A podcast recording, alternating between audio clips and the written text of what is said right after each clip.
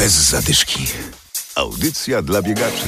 Gdzie biegać i jak często? Dziś kolejna porcja praktycznych porad dla tych, którzy zaczynają biegać. Będą też zaproszenia na biegi w Poznaniu i w Kaliszu. Adam Sołtysiak, zapraszam. Trening. Wiosna to idealny czas, żeby zacząć biegać. Dziś ciąg dalszy rozmowy z trenerem Adrianem Żakowskim.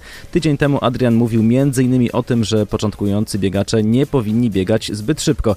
Dziś pytamy go, jak często powinni wychodzić na trening. Większość biegaczy powinna zacząć od trzech, maksymalnie czterech treningów w tygodniu, tak aby organizm zdążył zregenerować poprzednie e, bieganie oraz również by nie przesadzić z zbytnią objętością. Ten tygodniowy kilometraż powinien zwiększać się stopniowo. Jeżeli mamy taką możliwość, warto biegać w naturalnym terenie, na przykład na ścieżkach leśnych. Bieganie w terenie jest znacznie mniej obciążające dla stawów. Dajemy im jakby dużo większą szansę na e, zaadoptowanie się do obciążeń, zwłaszcza jeżeli nigdy nie biegaliśmy. Wzmocnimy również dzięki temu siłę mięśni, które będą musiały dodatkowo pracować na mniej równym terenie niż to na przykład asfalt. Pamiętajcie też o odpoczynku. Najlepszy odpoczynek to oczywiście sen, no ale dobra regeneracja to również dobra dieta. Co biegacz powinien jeść, a czego lepiej unikać, o tym porozmawiamy za tydzień. Rozgrzewka. Teraz zaproszenie na bieg Niebieska Fala.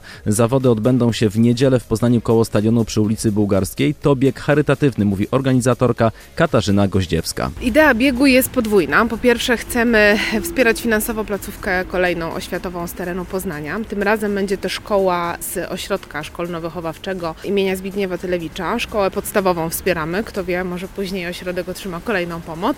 Ale nasz drugi cel to oczywiście szerzenie świadomości społecznej związanej z tematyką autyzmu autyzmu, która rośnie, ale nadal nie jest e, wystarczająco duża. Zawsze to powtarzam i zawsze powtarzać będę, że musimy wiedzieć coraz więcej. Bieg e, połączony z ogromną strefą animacji, gdzie są atrakcje i dla dzieci, i dla dorosłych, to taka okazja, żeby się spotkać, żeby spotkać osoby ze spektrum autyzmu, ich opiekunów, żeby porozmawiać, żeby e, dobrze się bawić tak naprawdę i połączyć to no, z tym, co, co ważne w naszym życiu, czyli dbaniem o, o naszą sylwetkę, o nasz wygląd, o, o aktywność fizyczną. Trasę mamy 5-kilometrową lub 10-kilometrową dla tych tak zwanych wyjadaczy i tych, którzy mają kondycję, ale jest też taka trasa na kilometr, którą można przespacerować z wózkiem, można przespacerować o kulach, można nawet y, wziąć dziecko na ręce i z nim tą trasę pokonać, także na ten kilometr zapraszam każdego, absolutnie nie musi to być biegacz.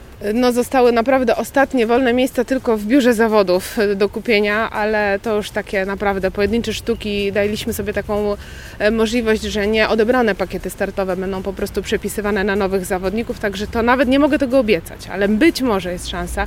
Natomiast można po prostu przyjść. Mamy puszki, mamy fantastycznych wolontariuszy, którzy nas wspierają, którym tutaj też od razu będę dziękowała.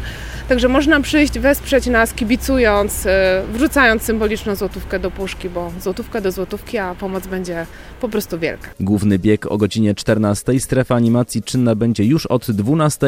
Niebieska fala w Poznaniu w niedzielę przy stadionie przy ulicy Bułgarskiej. Bez zadyszki.